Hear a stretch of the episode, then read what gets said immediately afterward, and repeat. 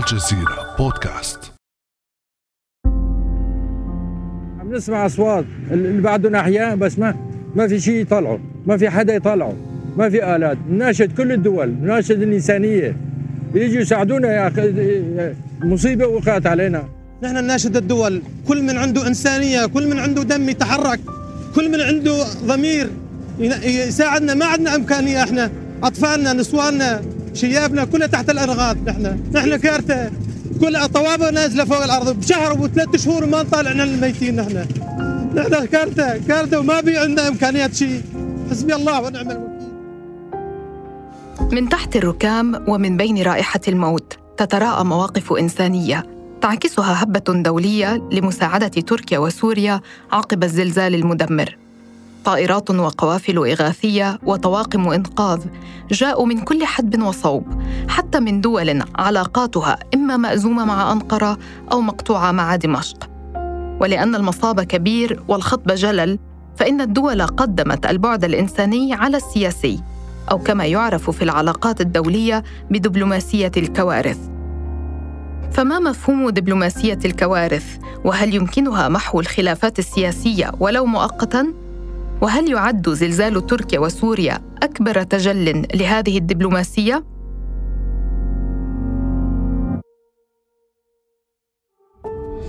أنا روعة أوجي وهذه قصة جديدة من بودكاست الجزيرة بعد أمس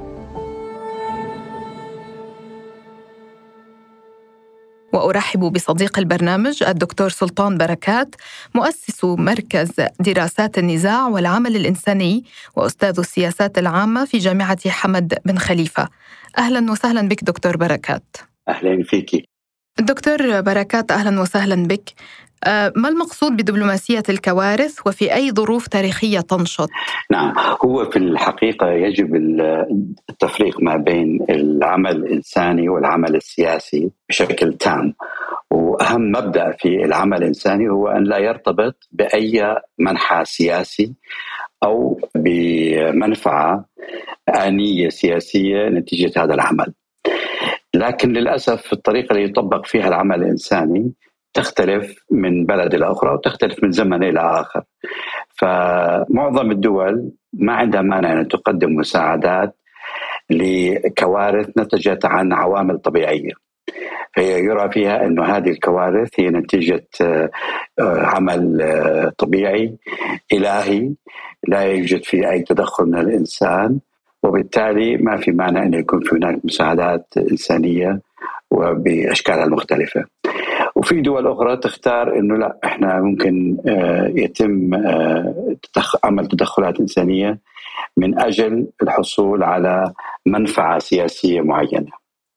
لكن الأصل هو أن لا يكون هذا هو الموضوع. هل يمكن أن تعطينا حالات ونماذج برزت فيها دبلوماسية الكوارث على الصعيد الدولي؟ هلا أنا أنا زي ما حكيت أنا بعتقد إنه التعبير بحد ذاته غير موفق. يعني دبلوماسية الكوارث هو الأساس أن يتم الفصل ما بين العمل السياسي والعمل الإنساني. لكن في بعض الأحيان تحاول بعض الدول أنها تستفيد من فرصة حدوث الكارثة لفتح مجال لحوار سياسي بشكل أو بآخر. وهذا الشيء طبعا مش جديد. يعني هو حصل في السابق ما بين تركيا واليونان على سبيل المثال عدة مرات. خلال زلازل حصلت إما في اليونان أو في تركيا. حصل الموضوع ما بين الولايات المتحدة وإيران كمان عدة مرات في زلازل حصلت في إيران. وحتى لما حصل إعصار كاترينا في الولايات المتحدة إيران حاولت إنها تعرض مساعدات على الولايات المتحدة. الهدف منها هو إثبات إنه الدولة التي تعطي مساعدات لها موقف إنساني ومعنوي عالي ولا ترى أنه البعد السياسي أو الخلاف السياسي يجب أن يقف ما بين المساعدات الإنسانية والناس المحتاجة.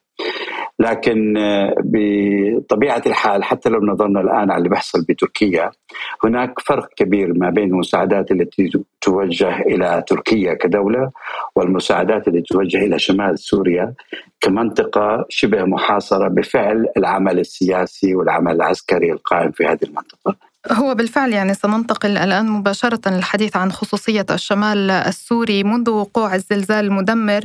اتضح يعني أكثر أو عاد إلى الواجهة الحديث عن القسمين بين غير الخاضع للنظام والخاضع للنظام السوري.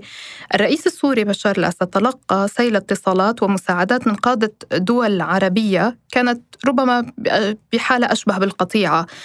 هل يمكن لنظام بشار الأسد أن يجد في هذا التضامن العربي فرصة لتطبيع علاقاته مع محيطه الإقليمي من جديد؟ ممكن ممكن كل نظام يحاول دائما إنه يستخدم هذه الكوارث لمصلحته حتى بالنظم الديمقراطية بيحاولوا استخدام الكارثة وتبعياتها مثلا لدعمهم في حملاتهم الانتخابية من هذا المنطلق بتلاقي مثلا حتى على مستوى تركيا الرئيس أردوغان مباشرة وعد الناس بإعادة إعمار المساكن التي دمرت حتى قبل ما يعرف عدد المساكن ويقدر قيمتها. ففي دائما محاولة لاستخدامها سياسيا أنا أعتقد الأسد يعني سيحاول نفس الطريقة إنه يستخدمها لجلب تعاطف الدولي. لكن بالنسبة للدول العربية والدول التي قررت على إعادة علاقتها مع سوريا هي لا تحتاج إلى ذريعة. يعني هم اوريدي نفس الدول اللي تقدمت برسائل تعاطف مع النظام هي نفس الدول اللي أصلا ماشية في عملية تطبيع مع النظام وصار لها يعني فترة في هذا الطريق.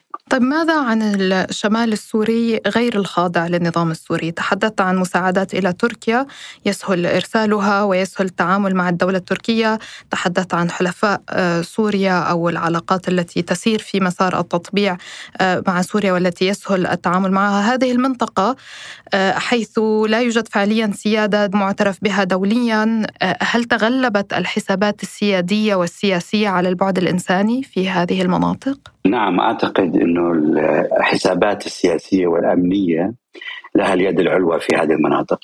المناطق هاي في شمال سوريا فيها تقريبا 4.5 مليون نسمة. ما يقارب 3 مليون منهم أو 2.8 بالعشرة مليون هم من النازحين من الداخل السوري إلى هذه المناطق. وهدول جاءوا للحماية لكن للأسف هذه المنطقة الآن مقسمة تقريبا يعني إلى إلى قسمين. قسم تحت سيطرة المباشرة لبعض العناصر بما فيها جبهة النصرة. وهذا القسم يعني صعب جدا أن توصل المساعدات الدولية. وقسم آخر تحت الرعاية أو شبه الرعاية التركية. وهدول القسم الآخر يعني وصلت بعض المساعدات ولكنها مقننة عن طريق الحكومة التركية وعن طريق المؤسسات الغير الغير حكومية التركية العاملة في في تلك المنطقة. بغض النظر عن حجم المساعدات مهما وصل هي مساعدات ستكون غير يعني كافية لأنه أصلا هدول الجماعة الموجودين في هذه المنطقة كان مساعدات اللي تصلهم على شكل يومي غير كافية فالزلزال زاد من العناء زاد من الاحتياجات دمر تقريبا 65% من البنية التحتية وأوقع زي ما بتعرفي ضحايا بحدود 3000 ضحية في هذه المنطقة. يمكن من حسن حظهم إنه ما في تركيز سكاني في هذه المنطقة والناس ما كانت ساكنة في عمارات من طوابق عالية وإنما من طابق واحد في معظم الأحيان أو ما زال الكثير منهم لا زالوا في الخيم. فالتأثير على الناس من ناحية الضحايا آه، كان أقل نسبيا مما هو عليه في جنوب تركيا. نشاط دبلوماسية الكوارث رغم تحفظك على المصطلح أو فلنسميها دبلوماسية الإنسانية كما تقول آه، تجلى بوضوح في زلزال تركيا وسوريا وهبة المجتمع الدولي. آه، وذلك يعني يثبت رغم بعض الانتقادات أنه لا زال يوجد بعض القيم الإنسانية التي تجمع الناس. ولكن هل يمكن القول أن هذه الهبة قادرة على محو الخلافات السياسية ولو مؤقتا خصوصا مع الدول التي كانت تشهد توترا في العلاقات مع تركيا تحديدا. هي طبعا شوفي أي محاولة أو مبادرة من طرف إلى آخر آه، فيها نوع من التعاطف لابد إنها تسهل العمل الدبلوماسي بشكل أو بآخر، فإحنا إذا بدنا ناخذها من هذا المجال يعني ممكن إنه بعض الدول اللي كان في لها مواقف معادية لتركيا أو متأزمة من تركيا إنه خلال عرضهم للمساعدات يفتحوا قنوات للحوار. لكن هذه القنوات ليست بعيدة الامد يعني هي تغلق مع خلال أسابيع من حدوث الكارثة. وفي الحقيقة لا يمكن أن يكون هناك يعني نقاش دبلوماسي موضوعي خلال هذه الفترات البسيطة. كل ما هنالك هو تواصل ممكن يؤدي إلى شيء في المستقبل لكن آه، بحد ذاته لا يمكن أنه يحل مشكلة بعيدة آه، الأمد أو أو متعمقة في الجذور. على سبيل المثال مثلا علاقة تركيا مع الاتحاد الأوروبي. هناك مجموعة من المشاكل الأساسية الموجودة بين الطرفين.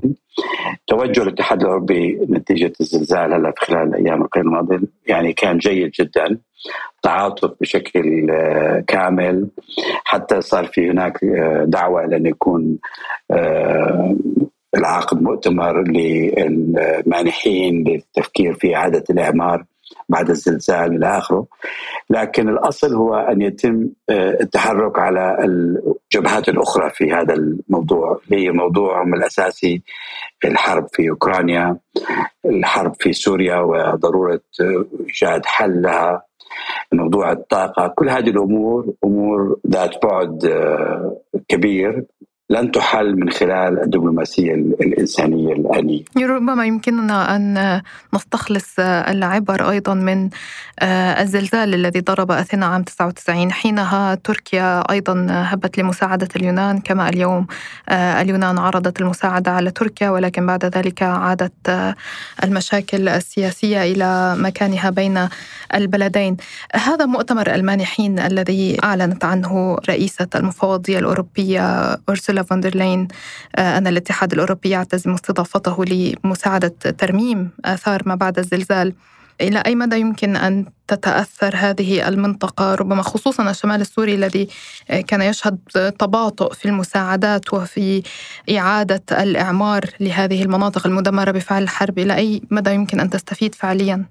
أنا أعتقد أنه الإعلان عن هذا المؤتمر في آه، يعني ينظر له من منظورين. الأتراك أعتقد سينظرون له كمحاولة للانتقاص من السيادة التركية.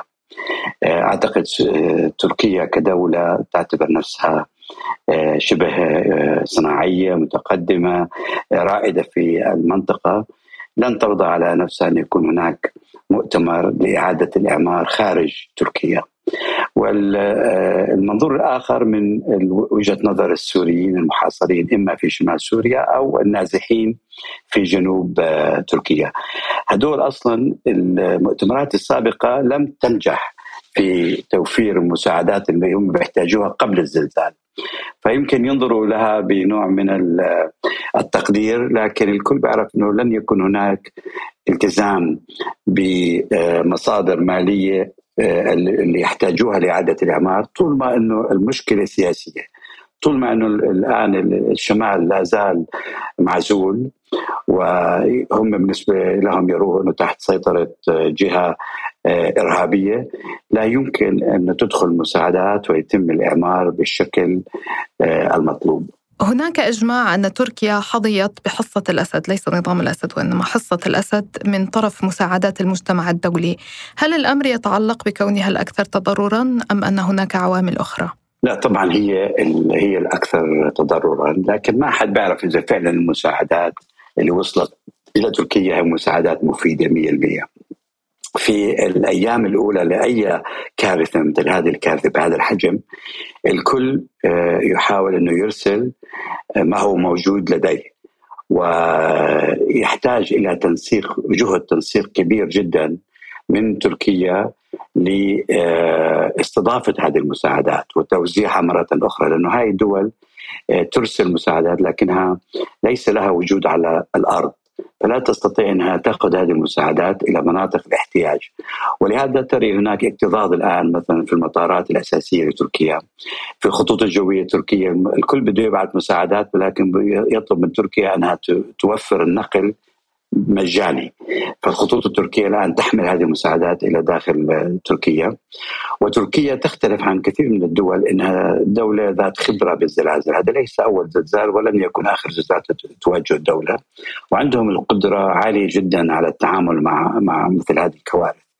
فهم بياخذوا المساعدات الآن أعتقد كثير منها يؤخذ ادبا وتقديرا ولكن ليس بالضرورة في له احتياج مباشر في منطقة أو أو أخرى. المساعدات اللي دائما لها قيمة وتقدر من قبل الدول هو المساعدات المادية وهم فتحوا حسابات بهذه المساعدات والهدف منها أن يكون أنت عندك المبلغ المادي أو المالي اللي تستطيع انك تستفيد منه بعد ست أسابيع ثمان أسابيع من الزلزال في توفير المساكن المحتاجينها في المنطقة في إعادة البناء التطوير إلى آخره لكن آه، هناك بشكل عام آه، محاولة لتفادي المساعدات المادية وتأكيد أكثر على المساعدات العينية وهذا ما حصلت عليه تركيا بشكل أكبر وهو طبعا نتيجة بشكل أساسي الفرق بينه وبين شمال سوريا أن الناس تقدر توصل لتركيا ما بتقدر توصل لشمال سوريا. الدكتور سلطان بركات مؤسس مركز دراسات النزاع والعمل الإنساني وأستاذ السياسات العامة في جامعة حمد بن خليفة. شكرا جزيلا لك. شكرا لك شكرا. كان هذا بعد أمس.